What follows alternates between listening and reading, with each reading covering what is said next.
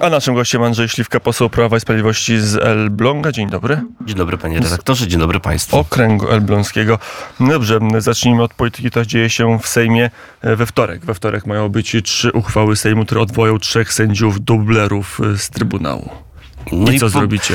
Panie redaktorze, ja mogę powiedzieć, że prawdopodobnie, e, mogę powiedzieć to z pewnym przekonaniem, może nawet nieprawdopodobnie będziemy głosowali przeciwko tym działaniom, bo to są działania bezprawne i wystarczy sięgnąć do konstytucji, do e, książek, e, które są na pierwszym, na drugim roku studiów, które jasno pokazują, że uchwałami nie można zmieniać e, kompetencji, które wynikają z konstytucji Ale będą zmienione. Będą, bezpra- będą bezprawne, sprzeczne z prawem. Nawet e, konstytucjonaliści czy e, osoby związane z obozem e, opozycji e, wypowiadali się, wypowiadały się, że takie działania będą bezprawne i niezgodne z konstytucją, niezgodne z prawem. No to jest też taki przykład i pokazujący, jakie są prawdziwe intencje e, Platformy Obywatelskiej. Widzieliśmy to po e, wczoraj, przedwczorajszej dyskusji dotyczącej powoływania członków do KRS-u. No i dobrze, ale Dokładnie już... jak na magicznej tej belce w TVN-ie, w momencie, kiedy do e, KRS-u została wybrana pani Gasiuk-Pichowicz, e, polityk, który, która jest no niestety takim uosobieniem kłamstwa w polityce. Ale też pan poseł I- Kropiwnicki. I, pan kr- poseł Kropiwnicki, który e, właśnie podłożył kamień węgielny pod ten problem związany z Trybunałem Konstytucyjnym, bo on był autorem poprawki do ustawy o Trybunale Konstytucyjnym, która spowodowała wybieranie sędziów Trybunału na zapas, co zostało uznane za sprzeczne z Konstytucją, czy mówiąc wprost bezprawne. Teraz takie osoby będą gwarancją e, konstytucyjności organu i jak widzieliśmy na tej magicznej belce w TVN-ie już nie ma neo-KRS-u, tylko jest KRS, no to pokazuje jaka była prawdziwa intencja. Prawdziwą intencją była chucpa polityczna. No dobrze, ale będzie większość, jak pan poseł myśli? Czy porozumiecie się, nie wiem, z PSL-em? Powiecie, nie róbcie tego. Panie redaktorze, my oczywiście będzie, Kościachu Kamyszu nie iść tą nie iść drogą. tą drogą, tak mówiąc klasykiem. E, Będziemy apelowali o to na pewno do pozostałych partii, e, które znajdują się w parlamencie, żeby nie wchodzić w taką politykę, którą chce narzucić nam Donald Tusk, czyli politykę konfliktu, bo rzeczywiście e, te e, ostatnie dni, te dwa dni związane z posiedzeniem, one były emocjonujące, e, można powiedzieć takie emocjonalne, szczególnie mm, związane było to, że pan marszałek Hołownia no, trochę uczy się jeszcze tej funkcji. Uczy i się na was i błędy. chyba nieźle mu idzie. Kto Nie wygrał pierwsze starcie w Sejmie? Ja bym nie traktował tego, kto wygrał. Widać było, że pan marszałek nie do końca zapoznał się z regulaminem e, Sejmu e, i też nie wiedział o tym, że członek Rady Ministrów może w każdej chwili e, zabrać głos na posiedzeniu Sejmu. No i też pan marszałek, jak już doczytał, przeczytał ten przepis regulaminu, to nie doczytał w tym, czy nie zrozumiał, że nie może ograniczać czasowo wystąpienia członka rządu, co zostało mu wyłożone przez pana Mówił, ministra że Czarnka. nie może do tego dopuścić, żeby rząd mówił od rana do wieczora w Sejmie. No panie redaktorze, no ale to stoi w kontrze też do tego, co pan e, marszałek Hołownia powiedział na swoim inauguracyjnym wystąpieniu. Oprócz e, no, e, propozycji, że będzie prowadził podcasty, m, e, nie wiem, zapomniał chyba jeszcze o owocowych czwartkach, ale e, no, powie- Obiecał likwidację zamrażarki, do, do czego jeszcze przejdziemy. E, No to myślę, że pani marszałek Witek to bardzo dobrze e, podsumowała wczoraj. Powiedziała, że wtedy, kiedy pan e, marszałek Hołownia w- wyrzucał zamrażarkę z gabinetu marszałka Sejmu, wolność e, i demokracja wyszły głównym wejściem z Sejmu, no bo to pokazywało głosowanie polityków e, Polski 2050 Platformy Obywatelskiej w sprawie wicemarszałka dla Prawa i No Sprawiedliwości. dobrze, może regulaminowo nie wszystko było ok, ale na TikToku klika się doskonale. Na TikToku Szymon Hołownia staje się bohaterem. Panie A wy stajecie się czarnym ludem. Nie to do końca. wygraliście, czy przegraliście? Nie do końca, nie do końca. Ja bym nie traktował tego właśnie w takich kategoriach, ale tak jeżeli się robi spojrzymy... ale, e, Oczywiście, ale jeżeli spojrzymy na wystąpienia, które również stały się wiralem, e, czy na TikToku, czy na e, Twitterze, czy na innych social mediach, to mamy wystąpienie pana ministra Przemysława Czarnka, który no, w sposób delikatny wytłumaczył panu marszałkowi Hołowni, jak wygląda, jak, wy, jak wygląda Ale- procedowanie spraw w Sejmie. Tak, będzie trochę ten Sejm wyglądał, będzie to Sejm viral, tak? Tutaj będziemy szukać tych treści, które będą wchodziły wiralem w media społecznościowe.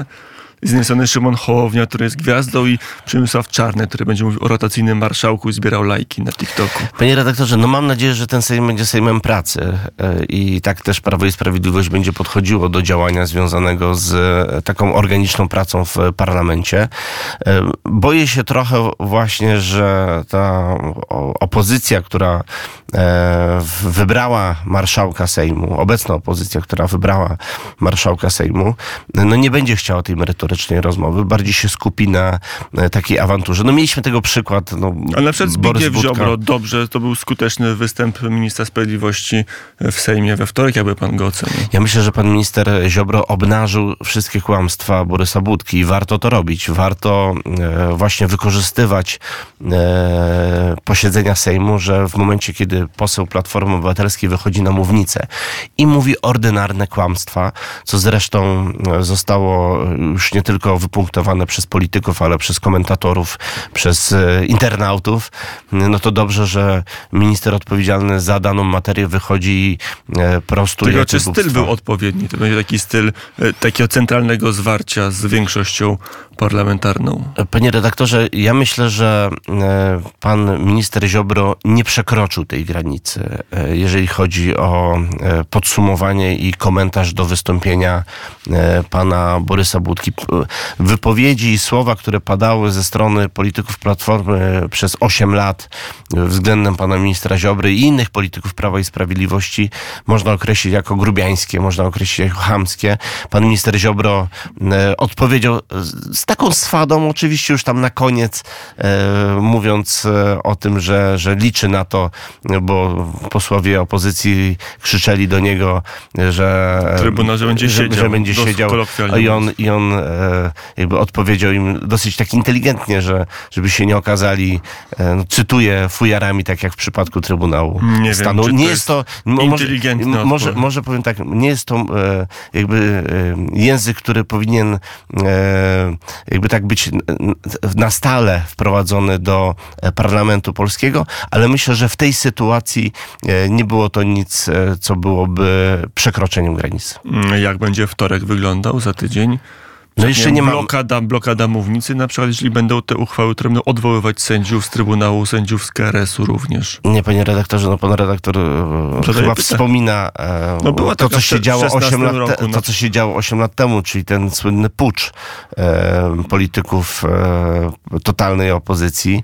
My będziemy opozycją merytoryczną. My będziemy opozycją, która będzie punktowała i e, merytorycznie odnosiła się do tego, co e, robi większość, zarówno rządowa, jak i większość e, Powiedział pan poseł Andrzej Śliwka, będziemy opozycją. A co z misją Mateusza Morawieckiego? E, Panie redaktorze, mówię o sytuacji w parlamencie. Ja mam nadzieję, że pan premier Mateusz Morawiecki, e, który jest e, dobrym premierem, po 89 roku nie ma żadnego rządu, po, może poza tym odcinkiem 2005-2007, kiedy rząd Prawa i Sprawiedliwości rządzi i był dobry premier, który dbał o to, żeby Polska była bezpieczna, żeby rozwijała się gospodarczo. Jasne, a był taki rząd, który mia- był w, op- był w opozycji w parlamencie, ale, ale był koalicją w rządzie. Da się mieć rząd bez większości w parlamencie. Panie redaktorze, były rządy mniejszościowe, e, ale oczywiście te rządy muszą zostać wybrane i to jest jakby oczywiste i pan redaktor wie o tym doskonale, ja także zdaję sobie z tego sprawę. Zdajemy też sobie z tego sprawę, że arytmetyka jest nieubłagana Mm, i nikt, e, kto jest, kto patrzy trzeźwo na bieżącą sytuację, widzi, że to jest bardzo trudne zadanie, E, no ale przez ostatnie Nawet lata wasi stawaliśmy... wyborcy w sondażach nie wierzą w tą misję. To po co ją podjąć? Ja myślę, panie redaktorze, że z dwóch względów warto. Po pierwsze, jest pewna tradycja parlamentarna, że to zwycięska partia e, wskazuje e, i ma ten przywilej i ten wielki e, honor, że może formować rząd e, w tym pierwszym kroku. E, I Prawo i Sprawiedliwość wygrało wybory. Wygrało wybory po raz trzeci z rzędu. To jest bardzo ważne, żebyśmy zachowywali tę, tą formułę tradycji e, Wygrało, ale nie ma A większości. druga kwestia to przywołując się do naszych wyborców, ja sam rozmawiałem z mieszkańcami ziemi elbląskiej, ziemi ostruckiej, skąd jestem e, posłem i oni oczekują od tego, że Prawo i Sprawiedliwość, które wygrało wybory, spróbuje sformować e, rząd E, i mam nadzieję, że panie redaktorze znajdzie się większość w parlamencie, bo powiem panu redaktorowi jedną rzecz.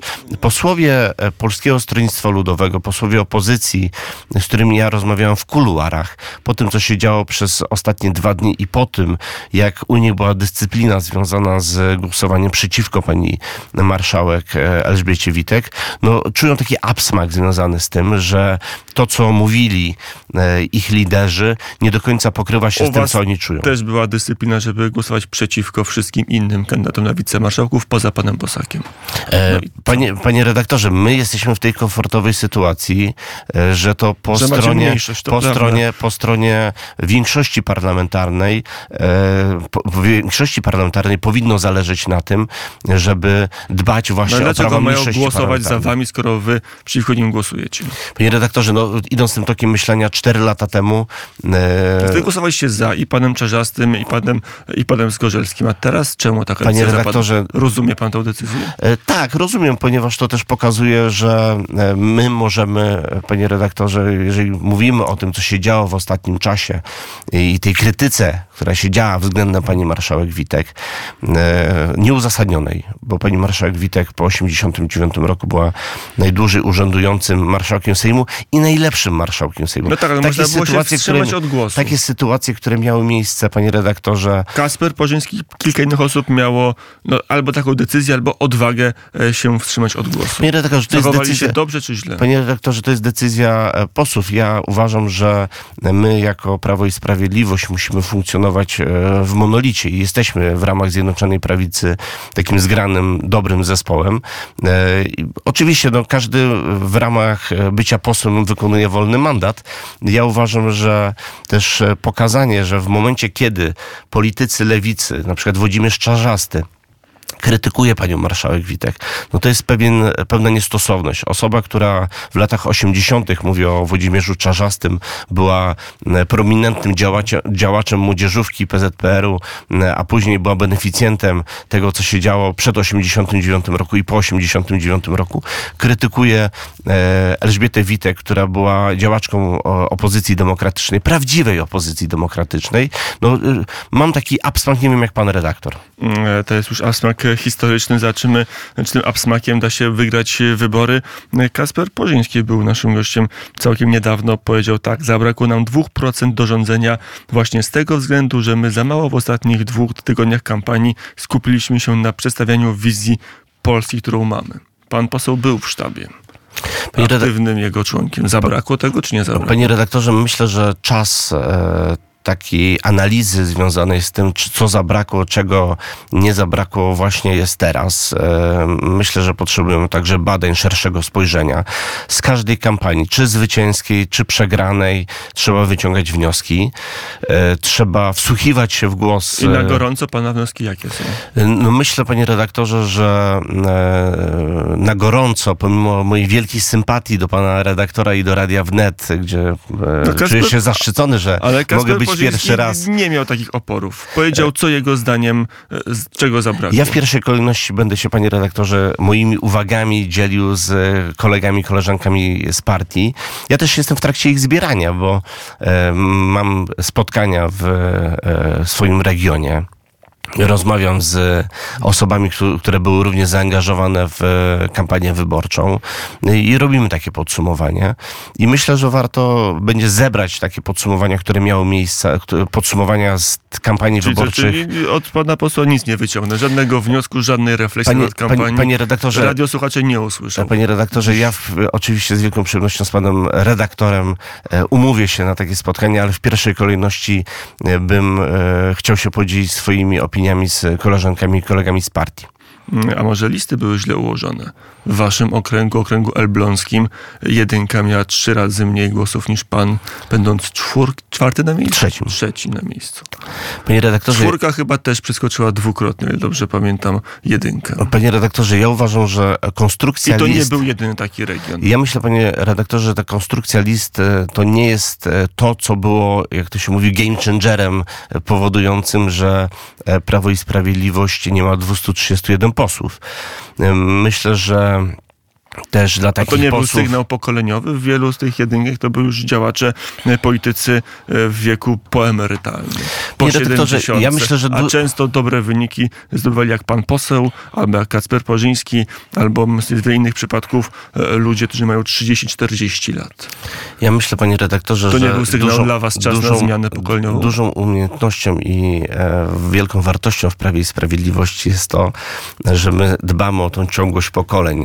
Prawo i Sprawiedliwość jest e, jedyną partią, która tak postawiła na młode osoby. Ja też się cieszę, ponieważ te miejsce trzecie, czwarte, e, które było e, dane właśnie mi koledze posłowi Gontarzowi, było dla nas takim też e, mm, impulsem do e, jeszcze cięższej pracy i to też pokazało, że e, warto także w taki sposób listy układać, a także, panie redaktorze, w polityce jest coś takiego jak pewien, pewna stałość i myślę, że to też jest bardzo cenne, bo jeżeli spojrzy pan, pan redaktor na to, co chociażby zrobiła Lewica, która przeprowadziła taką rewolucję, jeżeli chodzi o swoje listy wyborcze, często, do, często pozmieniała liderów e, list, e, poustalała Yes. osoby, które całkowicie nie były związane z regionem i to doprowadziło do tego, panie redaktorze, że ich jest dwukrotnie mniej w parlamencie, a pomimo tego, że rządzimy 8 lat, panie redaktorze, bo też trzeba patrzeć na to z tej perspektywy, Prawo i Sprawiedliwość wygrało trzecie wybory. E, Pan poseł do rządu, nowego rządu Mateusza Morawieckiego wejdzie? Będzie pan w tych, wśród tych kandydatów na, na ministrów? Nie dostałem e, zaproszenia od pana premiera Mateusza Morawieckiego, nie rozmawiałem z panem premierem w tym zakresie, e, ale to jest decyzja tylko i wyłącznie pana premiera Mateusza Morawieckiego. No to czekamy na ten skład Rady Ministrów, chociaż szanse na wotum zaufania w Sejmie są mm, zerowe. E, Nowa mm, koalicja rządząca, która będzie pewnie z Donaldem Tuskiem na czele, mm, ma kilka kłopotów do rozwiązania ceny energii.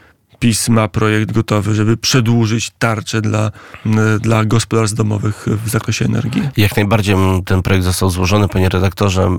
Prawo i Sprawiedliwość przez ten 8 lat zapisało się w pamięci e, Polaków jako partia wiarygodna i w sytuacji kryzysów, niezależnie czy to jest pandemia COVID, e, wojna, szantaż, gazowo-energetyczny, dbamy o polskie rodziny E, i w tym roku e, również e, przygotowaliśmy taki pakiet pomocowy związany z tarczą co, energetyczną. Ustawa leży, jest I gotowa. ustawa jest, leży, jest gotowa, środki na nią są przygotowane.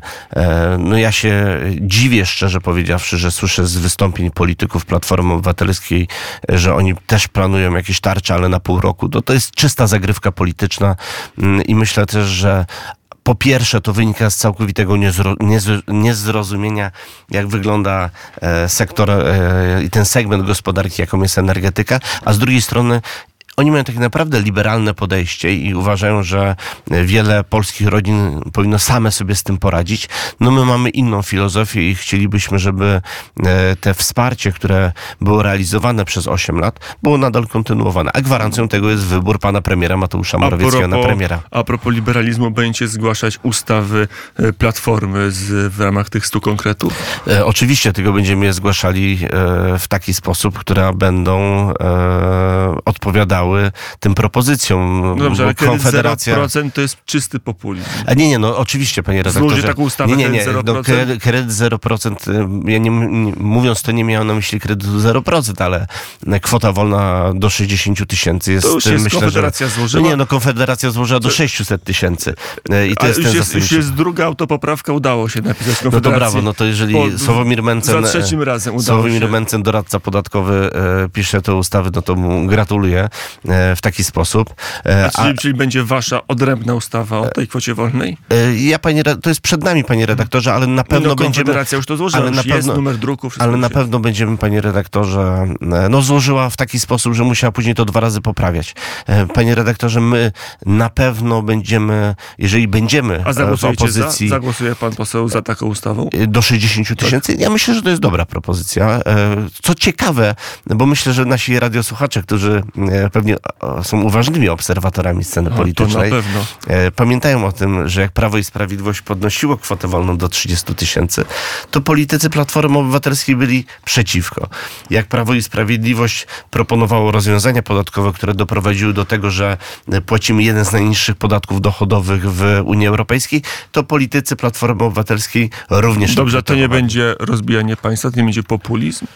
Pan dobrze wie, że nie ma w budżecie środków, zwłaszcza przyszłorocznych, na tak dużą kwotę wolną od podatku. E, Panie Bo to redaktorze, jest trudny budżet, wojenny budżet. E, Zgoda, panie redaktorze, ale też nie można mówić e, o tym, co mówią politycy opozycji, że sytuacja, że stan finansów publicznych jest zły. Stan finansów publicznych jest bardzo dobry. I to nie mówię, nie mówi Andrzej Śliwka, tylko mówią to agencje ratingowe, ratingowe mówią to instytucje międzynarodowe, które pokazują, że stan polskiego zadłużenia Ale w jest kampanii mówiliście, że nie ma pieniędzy na taką kwotę wolną od podatku, jak chciał Donald Tusk, że to jest utopia, że to jest populizm. Panie redaktor, Teraz to będzie teraz ten populizm wdrażać w życie, żeby co? nie, Żeby panie- udowodnić, że oni nie mieli e, racji? panie redaktorze, e, w A jak, polityce- a jak się jakoś znajdzie większość jakimś cudem, to co wtedy? Panie redaktorze, w polityce najważniejsze jest e, dotrzymywanie obietnic i bycie wiarygodnym. E, Nie można rzucać słów na wiatry i w momencie, w którym e, politycy Platformy Obywatelskiej już rakiem wycofują się z tych propozycji. Pan redaktor mówi o kredycie 0%. Ja wczoraj słyszałem wypowiedź polityka Platformy Obywatelskiej, e, już e, przez litość nie będę wymieniał jego nazwiska, który właśnie rakiem wycofywał się z tej propozycji związanej z e, kredytem 0%. Słyszę polityków Platformy Obywatelskiej, samorządowców dużych miast, którzy mówią o tym, że e, kwota wolna od podatku do 60 tysięcy w istotny sposób wpłynie negatywnie na finanse danych miast. I politycy Platformy Obywatelskiej w kampanii wyborczej byli w stanie powiedzieć wszystko. Kwestia podwyżek dla budżetówki, dla nauczycieli 30%. 30%.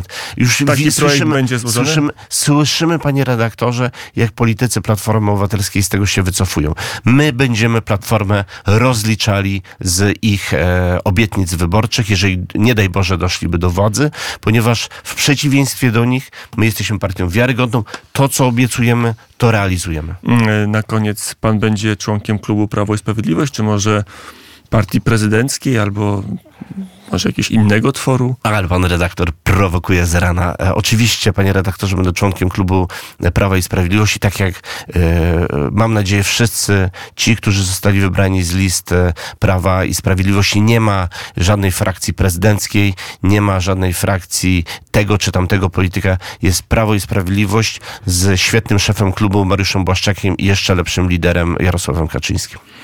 Kukiz 15 ma własne koło. E, To jest decyzja kolegów z Kukiz 15. E, Ja rozumiem, oni zawsze funkcjonowali w takiej autonomii, też e, byli zaproszeni na tę listę, ale współpracujemy z kolegami z Kukiz 15. E, Cieszę się, że pozostałe partie tworzące Zjednoczoną Prawicę, czyli Odnowa Marcina Ociepy i Partia Republikańska, czy Suwerenna Polska są w klubie parlamentarnym Prawo i Sprawiedliwość, mają wiceprzewodniczących klubu parlamentarnego Prawo i Sprawiedliwość i są żywo zainteresowani tym, żeby klub funkcjonował A może sprawnie. dobrze byłoby się taktycznie podzielić? Więcej czasu antenowego w mediach, może jakiś prezydium się jeszcze do, do, dołożyło. Panie redaktorze, Sejmie, e, wicemarszałek kolejny. 7 milionów 600 tysięcy wyborców głosowało na Zjednoczoną Prawicę e, z marką Prawa i Sprawiedliwości. Nie po to, żebyśmy się dzielili, tylko po to, żebyśmy wspólnie ciężko pracowali e, na rzecz e, Polek i Polaków. Powiedział Andrzej Śliwka, poseł Prawa i Sprawiedliwości, były wiceminister aktywów państwowych, a do studia wrócił Krzysztof Skowroński. Dzień dobry, panie redaktorze. O, o dzień dobry, panie redaktorze. Skąd się pan tutaj znalazł? Z e, drugiego e, pokoju, bo u nas jest e, pokoi wiele, co najmniej trzy pokoje plus studio. Tam jest gość kolejny, Władimir Ponomariow, z którym będziemy rozmawiać o stosunkach o, o, e, bo jest e, takie zjawisko jak opozycja rosyjska. Ta opozycja rosyjska będzie miała kolejny kongres deputowanych ludowych, ale też porozmawiamy o wojnie e, na Ukrainie, o paru innych. O Sikorskiego niech pan zapyta. A właściwie Radosław Sikorski wraca do rządu.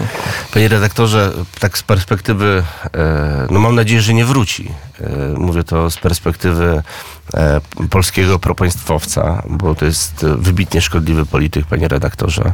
E, z perspektywy oczywiście takiej politycznej dla Prawa i Sprawiedliwości jest to e, wygodna sytuacja, gdy ministrem sprawiedliwości w nie daj Boże rządzie Donalda Tuska będzie Radosław Sikorski, ale dla Polski będzie to fatalna informacja. Jest to człowiek Ale skrajnie dla was to nieodpowiedzialny. dobre. Liczycie na to, że to będzie łatwy Nie, nie, znaczy ja panie redaktorze, nie patrzę z tej perspektywy. Patrzę z perspektywy e, tego, że to jest człowiek. To niech pan poseł spojrzy. Panie redaktorze, to jest polityk skrajnie, skrajnie nie, e, niebezpieczny dla Polski. Jeżeli pan redaktor pamięta e, politykę Radosława Sikorskiego, politykę, który w momencie, kiedy on był szefem MSZ-u, były przekazywane dane dotyczące działaczy opozycji demokratycznej na Białorusi, no to to jest osoba, która nie daje rękojmi tego, żeby dbać o polską politykę zagraniczną Ale z perspektywy Donald Tusk suwerennościowej. myśli tak, daje mi rękojmie, że będzie skutecznie walczył z Andrzejem Dudą. No i to jest Bo tragiczne. taka I jest to jest, to jest właśnie ta polityka nienawiści, którą Donald Tusk e, wprowadził do Polski. odpowiecie? Panie redaktorze, my będziemy, jeżeli e, dojdzie do sytuacji, w której Radosław Sikorski będzie ministrem spraw zagranicznych, no to jest e, z naszej perspektywy, to tak jak powiedziałem, on jest wygodnym partner, wy, wygodną osobą do jakby punktowania, bo to jest człowiek naprawdę skrajnie skompromitowany, ale dla Polski jest to fatalne. Dużo znaków zapytania co do rządu Donalda Tuska, ale podobno ministrem finansów ma być Andrzej Domański. Też świeżo jak pan, debiutant w Sejmie, świeżo upieszony poseł. E, Ja mam, e, szczerze powiedziawszy, wątpliwości co do tego, czy pan Andrzej Domański daje rękojmie tego, żeby być e, dobrym ministrem finansów. Dlaczego Jest to, osoba, jest to osoba związana z rynkami finansowymi. Jego, To coś spojrzy... złe, a Mateusz Morawiecki nie był? Dobrze, panie redaktorze, tylko Mateusz Morawiecki w przeciwieństwie do Andrzeja Domańskiego był prezesem dużego banku, e, osobą, która e, zajmowała się makroekonomią, a, A kim był Andrzej Domański? Domański? Andrzej Domański był człowiekiem, który pracował w funduszach, w funduszach między innymi Leszka Czarneckiego. E, Osoby, Leszek Czarnecki, chyba nie, nie muszę przypominać, założyciel Getbacku oraz właściciel dwóch banków, Idea Banku i Getim Banku, które przeszły przymusową restrukturyzację, czyli tak zwany resolution. E, no, osoba, która była, e, mówię o Leszku Czarneckim, mówię e, o Leszku Czarneckim jako osobie, która doprowadziła do tego, że dwa banki, które były bardzo istotne z perspektywy bezpieczeństwa sektora, musiały zostać poddane to- tej przymusowej. Andrzej Domański to jest człowiek Leszka Czarneckiego? No panie redaktorze, jak spojrzymy na jego dossier, to widzimy, że mm, pracował tam wiele lat. Jeżeli prawdziwe są informacje, które były podawane przez dziennikarzy, to w ramach e, jednego z funduszy, w którym zarządzał, e, był członkiem zarządu tego funduszu, e, te, e, ten fundusz był zapakowany akcjami Getbacku. No to e, ja nie wiem, czy taka osoba daje rękojmie, znaczy powiem więcej, ja uważam, że taka osoba nie daje rękojmi do tego, ażeby zarządzać finansami publicznymi. O czym mówił Andrzej Śliwka, poseł Prawa i Sprawiedliwości. Teraz chyba kończymy. Czy pan redaktor ma jakieś jeszcze pytanie? Pytań mam wiele, ale ich nie zadam.